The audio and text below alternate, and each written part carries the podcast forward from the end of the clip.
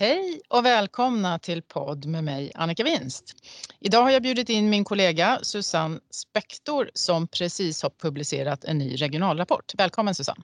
Tack! Det är få som gör regionalanalyser och samtidigt så är det stora skillnader regionerna emellan och det betyder att det ofta är väldigt stort intresse för de här rapporterna. Kanske de rapporter som är allra störst intresse av och eh, det finns en stor önskan om att få veta hur det ser ut i de olika regionerna. Det är svårt att jämföra regioner. Eh, de är väldigt olika, de olika näringslivsstrukturer beroende av olika saker.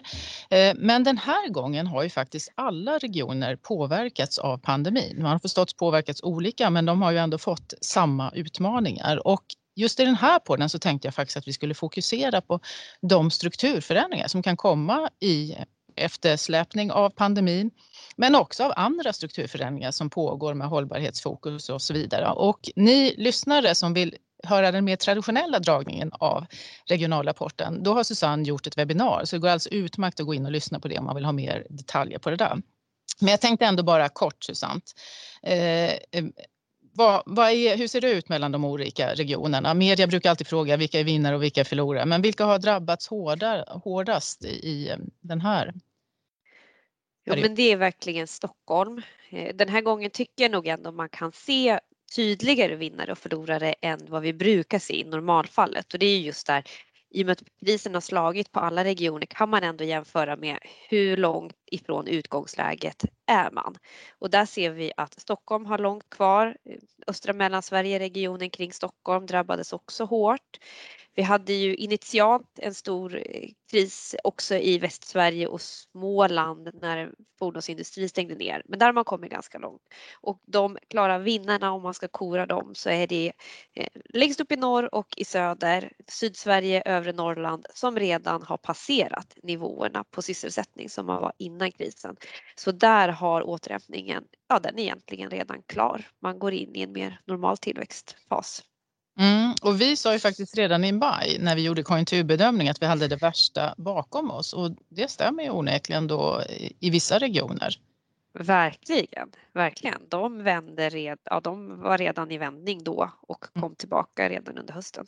Och om man tittar på arbetsmarknaden i de regionerna, när menar du att man, man hade botten. Man tar de som är beroende av omvärlden, världshandeln. Ja, men övre Norrland de hade nog botten redan i somras. Redan under tredje kvartalet var faktiskt sysselsättningen tillbaka där. De var liksom först och man hade också en liten arbetslöshetsuppgång.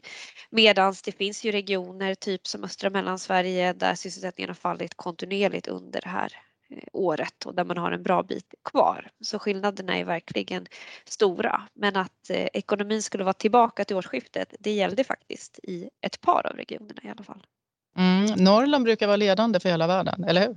Exakt, övre Norrland brukar till och med leda amerikanska ISM som är en väldigt populär konjunkturindikator brett mått på amerikansk ekonomi. Det är ganska Exakt. coolt. Det är Norrland som leder det.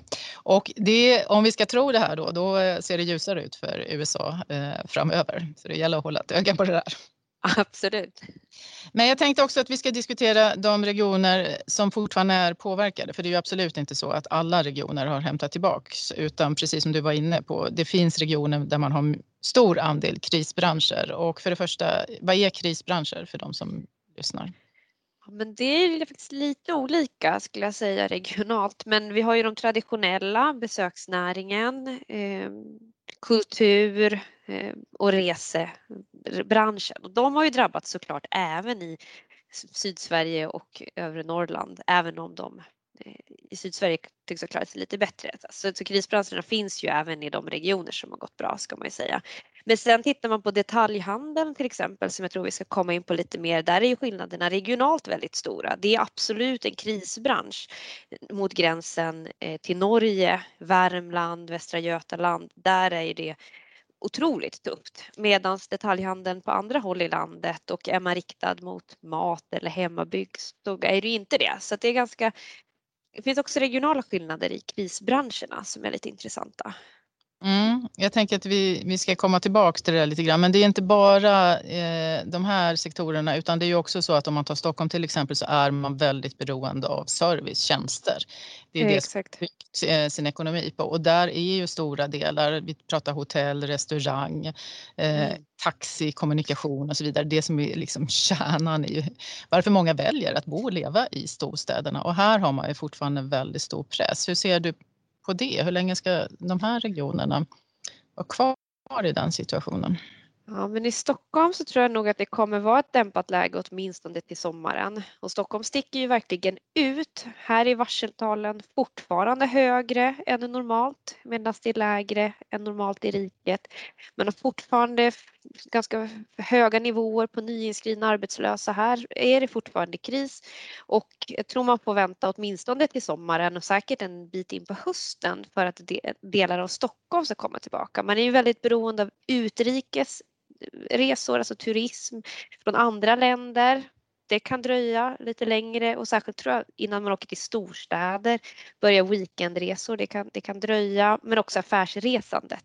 Och där tror jag att det kommer dröja till hösten innan företag börjar resa igen med de restriktioner som, som ligger nu. Och för att inte tala om representation och annat som också är väldigt viktigt i Stockholm. Det betyder ju att om det börjar återhämta sig under hösten så är man inte tillbaks till de nivåerna man var före pandemin förrän nästa år. Ja, exakt. exakt. Och vi räknar, det är därför vi räknar med att Stockholm kommer ha lägst tillväxt i riket i år. Men sen har man högst tillväxt nästa år. Man ligger helt enkelt efter i återhämtningen, kanske ett halvår efter resten av, av landet. Jag tänker att det finns några siffernördar som sitter och lyssnar så nu måste du väl ge de siffrorna. Om, om man jämför Stockholm till exempel, om vi har riket så har vi en tillväxt på 4% och 3% nästa år. Exakt och i Stockholm så har vi en tillväxt på 3% i år och lite mer än 3% nästa år. Så 1 procent lägre för innevarande år. Exakt. Det är ganska mycket. Det är ganska mycket och jag har brottats en del med de siffrorna men eh, det är samma mönster som man såg efter till exempel IT-kraschen. Man kan också tänka sig lite lägre eh, att man kanske hade lite mindre fall inom eh, förra året än en del, till exempel Västsverige som ju hade en väldigt kraftig inbromsning där. Så, så det ska väl delvis ses i relation till det. Men, men det har inte kommit igång och ett ytterligare sånt här tecken är ju att man tittar i Konjunkturinstitutets barometer den är över normalt i alla regioner utom Stockholm. Där ligger den fortfarande under normalt. Så vad man än tittar på så sticker Stockholm ut på det negativa hållet och det bör ju också reflekteras då i tillväxttalen. Mm. Och ganska rimligt med tanke på de eh, tuffa restriktioner som vi ändå har och som man fortsätter att signalera. Exakt och Stockholm har ju påverkats mest. Det är ju flest som jobbar hemma här. Man ser störst effekt på nöjes, eh, så här, Google mobility data så ser man störst påverkan på Stockholm. Ibland får ju stockholmarna lite skit i media att man är ute på stan och trängs men jämför man med resten av landet så, så är skillnaden större mot innan pandemin så, så det är inte konstigt. Mm. Du jämför det här med eh, IT-kraschen och eh, många har ju jämfört tidigare med finanskrisen men det har ju vi sagt att det är ingen bra jämförelse av flera skäl. Då var det ju framförallt industrin och exportnäringen, alltså det som vi normalt vet hur vi ska hantera när man hamnar i problem i Sverige. Eh, medan den här gången så är det då tjänstesektorn som fungerar helt annorlunda och där man också har ett helt annat sätt att anställa folk, det vill säga att man är mycket snabbare på att ta in och ut folk beroende på vilken efterfrågan man har. Så finanskrisen är ingen bra jämförelse, men varför är då IT-krisen en bättre jämförelse som du ser det? Men man ska ju egentligen alltid vara försiktig och jämföra med, med tidigare kriser. Men jag tycker nu när jag har suttit och särskilt när vi har tagit fram det här temat också på flyttströmmar, flyttmönster, hur de har sett ut eh, både innan och efter pandemin. Att det, det är många paralleller i data till hur det såg ut efter IT-kraschen och den slog ju också oproportionerligt hårt på Stockholm jämfört med, eh, med resten eh, av landet. Så att jag tycker inte man ska använda den som en blueprint och det vill, gör man det så då är det ganska många år innan, innan Stockholm och sysselsättningen i riket skulle vara tillbaka. Eh, så jag hoppas verkligen att det inte heller är facit. Det är ju en helt annan situation och de stimulanser som finns den här gången har vi ju aldrig haft. De borde ju göra att vi kan komma plus att vi faktiskt är restriktionerna. Men parallellerna i data tycker jag är tydligare mot, mot IT eh, finanskraschen mm. än eh, finanskrisen så är det något man ska snegla på så är det det. Men helst tycker jag man kanske ska undvika att snegla för mycket ändå på kriser. Men, men jag lyfter det lite för att just poängtera det här att finanskrisen, det är inte rätt jämförelse. Nej, och man ska ju komma ihåg om man jämför till exempel IT-branschen med restaurang och hotellbranschen så det är helt andra anställningsvillkor och det är mycket mer kapitalintensivt eh, för många företag i IT-branschen än vad det är i till exempel de här näringarna där man när man väl blir av med eh, restriktionerna ganska snabbt kan ta tillbaka sin personal. Exakt. Okej, eh, om vi lämnar det här lite mer övergripande och du var själv inne på eh, gränshandeln. Jag tänkte detaljhandeln. Om vi, om vi börjar där i de här strukturförändringarna. För det var ju, om man tar detaljhandeln så har det ju skett strukturförändringar där redan innan pandemin och en del av dem eh, kommer säkert fortsätta. Där man handlar via nätet men, men där många människor nu har, har upptäckt hur smidigt och enkelt det är och säkert kommer fortsätta att, att vara kvar där samtidigt eh, eh som pandemin då har gjort att vi inte ska vara ute i affärerna. Men, men när jag träffar eh, våra kunder i banken så, så är det även gränshandeln egentligen ända från norr ner. Du nämnde Göteborgstrakten, Västsverige, som faktiskt påverkas ganska ordentligt av eh, livsmedelskonsumtionen där norrmännen har insett hur mycket svenskar har tjänat på att norrmännen har åkt över och spenderat eller konsumerat i Norge och sen åkt hem och ätit upp varorna på hemmaplan. Hur, hur tänker du här? Blir det bestående förändringar? De pratar om momsförändringar i Norge och så vidare. Ja, precis. Nej, men att jag nämner väst Västra Götaland, Västsverige och Värmland är för att det är där man ser det allra tydligast i data. Eh, det är möjligt att det är en större del av, av handeln totalt i de delarna. Eh, men det är klart att det finns, jag hör också det även uppe, uppe i Norrland och, och längs hela den gränsen. Eh, att det är, att det är någonting som, som tynger. Och det här är ju något man kan brottas med, hur bestående blir det? Jag tror att det kommer dröja längre tid för gränshandeln att komma tillbaka än för andra delar och det finns ju starka krafter på norska sidan som nu trycker på för att man ska kunna behålla den här eh, handeln som man har vunnit under pandemin. Och där kommer man nog jobba med allt. Man kommer nog försöka hålla gränsen stängd vid minsta lilla. Man kommer momsen som du nämner Annika Eh, men också andra. Jag såg att som norska Svenskt Näringsliv har presenterat en lista på åtgärder för att minska hand, liksom handeln på svenska sidan. Så, så det är starka krafter som trycker på för, för att man inte ska, ska dit. Och det är klart, vi människor är också vana eh, människor. Så har man vant sig vid att handla på ett annat sätt så kanske det dröjer lite längre innan man börjar åka över gränsen igen. Samtidigt låter det som det kan bli politiskt infekterat. Vi har ju under många, många, många decennier eh, levt med öppna gränser och eh, Norden har försökt stötta varandra och det vore ju ganska olyckligt om man hamnar i en situation där det faktiskt blir konflikter emellan de nordiska länderna.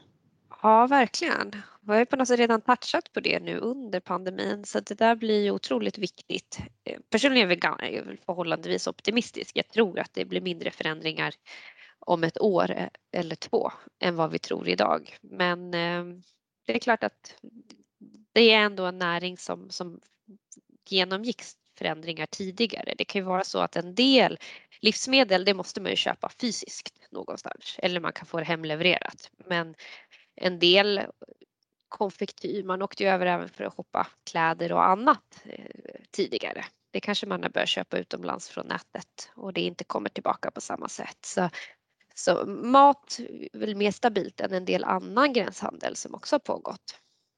Men sen har vi också norrmän som har tyckt om att åka till Sverige för att de haft hus hos oss. Eh, där blev det en, en trend, jag vet faktiskt inte riktigt hur stor den är, att man, man ville sälja för att man inte kom över gränsen. Eh, kommer regionerna där uppe påverkas av det framöver också eller kommer det tillbaks?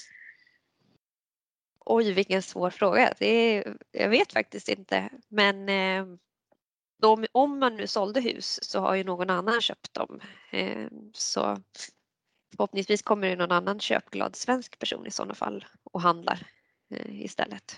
Mm, hemestrar i, i alla länder. Exakt. Ja, precis. Det finns ju, I de flesta av våra länder så är det väl ändå så att eh, vi själva spenderar mer pengar på våra semestrar än vad folk som kommer till Sverige. Det gäller förstås inte kanske norrmännen men, men för många andra nationer är det så att det behöver ju inte vara dåligt att, att vi semestrar hemma istället.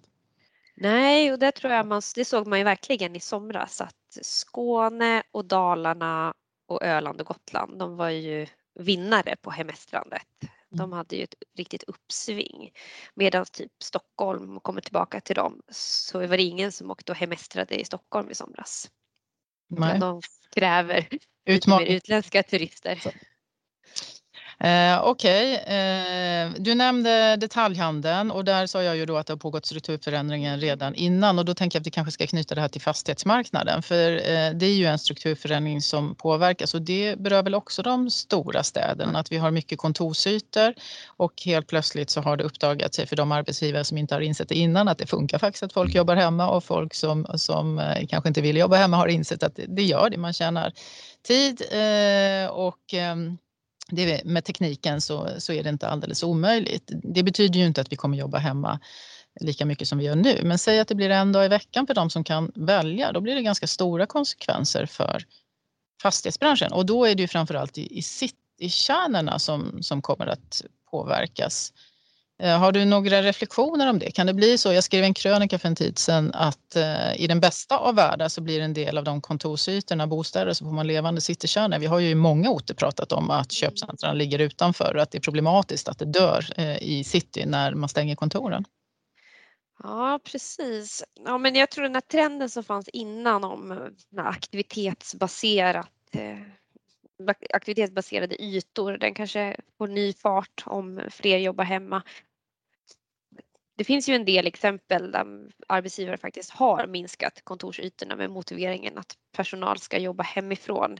Jag är inte helt övertygad om, om det eh, framåt. Vi såg ju också att det fanns en trend att man flyttade ut från stadskärnorna utanför Eh, och skulle sitta trängre men att en hel del företag fick backa på det för att man behöver ju också locka kompetens, man behöver också locka personal och man behöver ha folk på plats och när de är på, man är på plats så behöver man det. Men, men det är klart att på, ja, det är ju någonting att hålla ögonen på och detaljhandeln behöver ju inte nödvändigtvis påverkas om man jobbar fyra dagar i veckan. Då kanske man gör alla ärenden i stan ändå när man är inne.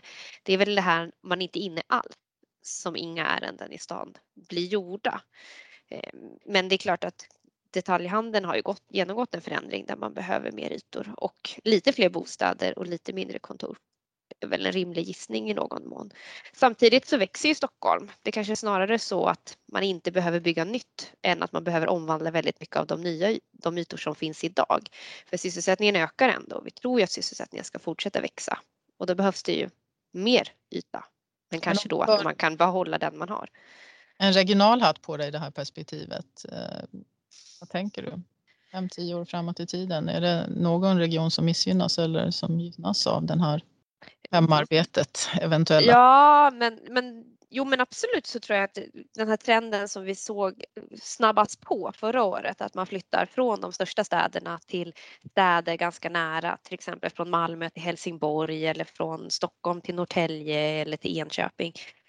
Det tror jag kommer fortsätta och kan man jobba hemifrån en dag så blir det ju, eller två dagar så blir det väldigt mycket lättare att bo lite längre ifrån.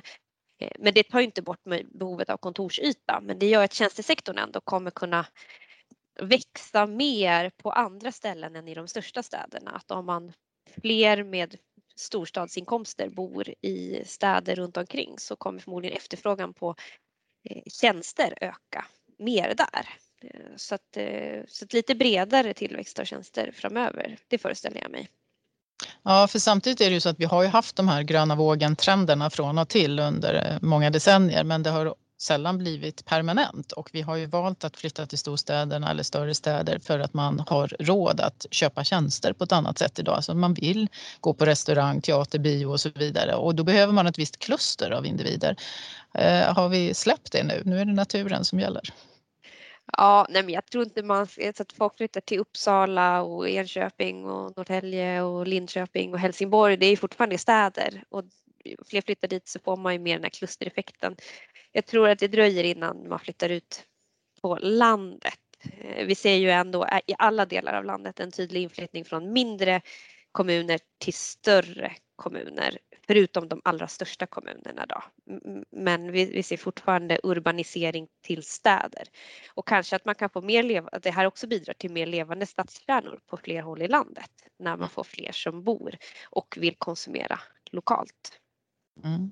Det här är förstås viktigt för eh, där man bor betalar man ju skatt eh, så det har betydelse för de olika orterna och då tänkte jag att vi kanske ska eh, komma in på, nu har skrivit ett tema om ungas bostadsmarknad och här handlar det ju om för regionerna att inte bara locka dem till sig så att de går på högskola och universitet på orten utan att man faktiskt också vill stanna där och betala skatt och arbeta när man är klar. Ja, exakt. Kan du berätta kort, vad handlar Ja, men det tycker jag var en av de mer intressanta sakerna som, som vi upptäckte där. Att man tittar på unga så flyttar man ju framförallt för att jobba eller studera. Eh, och tittar man bland de yngsta så är det ju en väldig inflyttning på studieorter. Men i princip alla studieorter utom Uppsala tappar alla som flyttar dit, eller i alla fall lika många. En del kanske stannar och någon annan flyttar. Men eh, som sen flyttar därifrån. Och här finns det ju en jättepotential för de eh, orterna att behålla studenterna som har kommit dit snarare än att försöka locka till sig andra personer. Ehm, så, så, där har man en potential som idag faktiskt inte utnyttjas. Eh, man pratar ju mycket om att så här, fler ska flytta hit men det är tydligt att det är väldigt många som flyttar till egentligen alla ställen. Men det är också väldigt många som flyttar därifrån. Jag tror att behålla de som har flyttat dit är viktigare än att få ytterligare några till att flytta in. Så att det byta fokus till att minska utflyttningen. Mm. Det är ju eh, förstås eh, relevant eh, för, för städerna dit man då flyttar att få behålla dem men det blir ett problem för de orter som man då inte flyttar hem till och, eller tillbaks till eller nya orter som är mindre. Men, men eh, samtidigt om man tänker samhällsekonomiskt så brukar man ju prata om att man behöver ha tillräckligt stora kluster för att det ska vara attraktivt på en eh, fungerande arbetsmarknad. Och, eh, då tänkte jag att vi kanske kan komma in lite grann på norra Sverige för de försöker ju nu, eller håller kanske på att bli ett kluster i hållbarhetsfokus där man har fått flera väldigt stora investeringar Eh, Eh, i flera olika bolag, allt från eh, eh, batterier till rent grönt stål. Ehm, och där det är väldigt mycket pengar och en trend som, som de flesta ekonomer ändå tror kommer hålla på under många, många år. Vad kan de dra för fördelar av det här?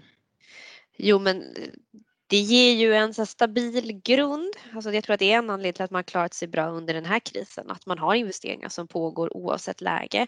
Man har också vänt. Västerbotten vände till att man hade fler som flyttade in än som flyttade därifrån förra året och trenden är också väldigt stark i Norrbotten.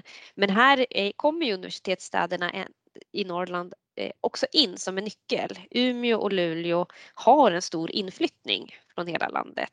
Kan man få studenterna som pluggar att stanna kvar i de här så kan man snabba på den här utvecklingen eh, lättare än att få Eh, inflyttning bland äldre. Även om man faktiskt såg en ganska stor inflyttning även i åldern mellan 40 och 50 från både Stockholm, Göteborg, Malmö till Norrland eh, i, vår, liksom i den här gröna, gröna vågen fast våg, investeringsvåg. Mm. Och om, om eh, de större städerna lockar till sig och blir ett kluster kan det även vara till fördel för de mindre orterna, kranskommunerna som, eh, som får en motor i, i eh, regionen. Men det Absolut. finns en, en utmaning här eh, om man, om man ska tänka Sverige, det vill säga att i, i norra Sverige så finns det gott om yta, vilket är attraktivt för många av de här företagen, men det finns också väldigt gott om energi.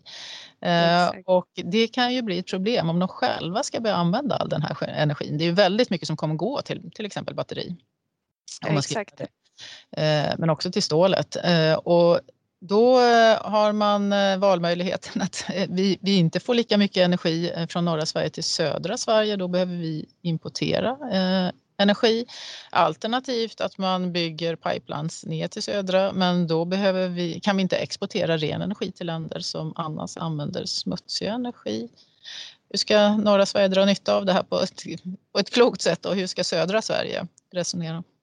Äh, men det här är ju en jätteutmaning och jag kan tycka att det är obegripligt att inte det här ligger högst upp på den politiska agendan. För regionerna har ju en viss möjlighet att påverka men det är ju investeringar från regeringen som också behövs i, i nätet och kanske, nu ska vi inte vita ställning, men det kommer ju behövas mer el.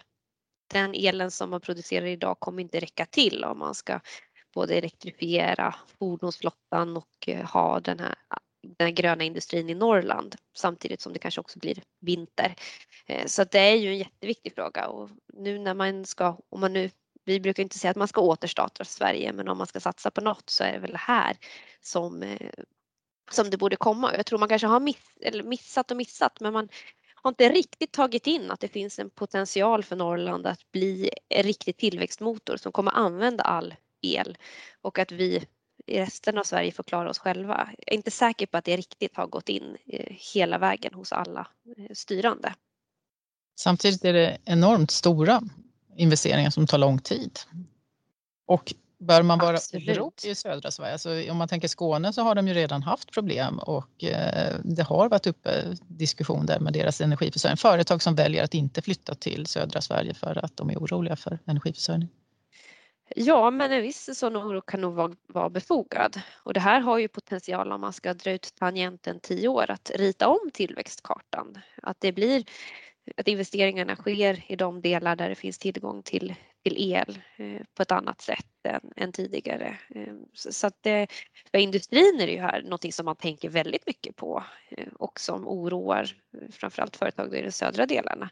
Men, men det är klart relevant även uppe i norr. Om elen tar slut i hela landet så finns det ju risk att de också blir begränsade till slut. Att någon bestämmer att det ska skickas el söderut ändå. Ehm, så det här är ju jätteviktig fråga för tänker potentiell tillväxt om tio år. Mm.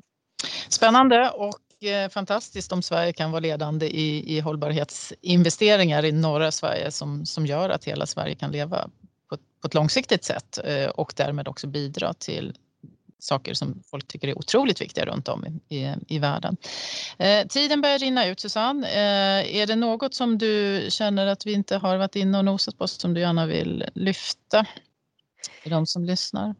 Nej, men det finns ju hur mycket som helst. Vi skulle ju kunna prata hela dagen men av, vi har ju webbinariet som man kan lyssna på och vi har rapporten som man kan läsa så jag tycker att vi har eh, tagit upp eh, många intressanta saker här och lämnar rätten till eh, vidare läsning och vidare mm. lyssning för de som är intresserade.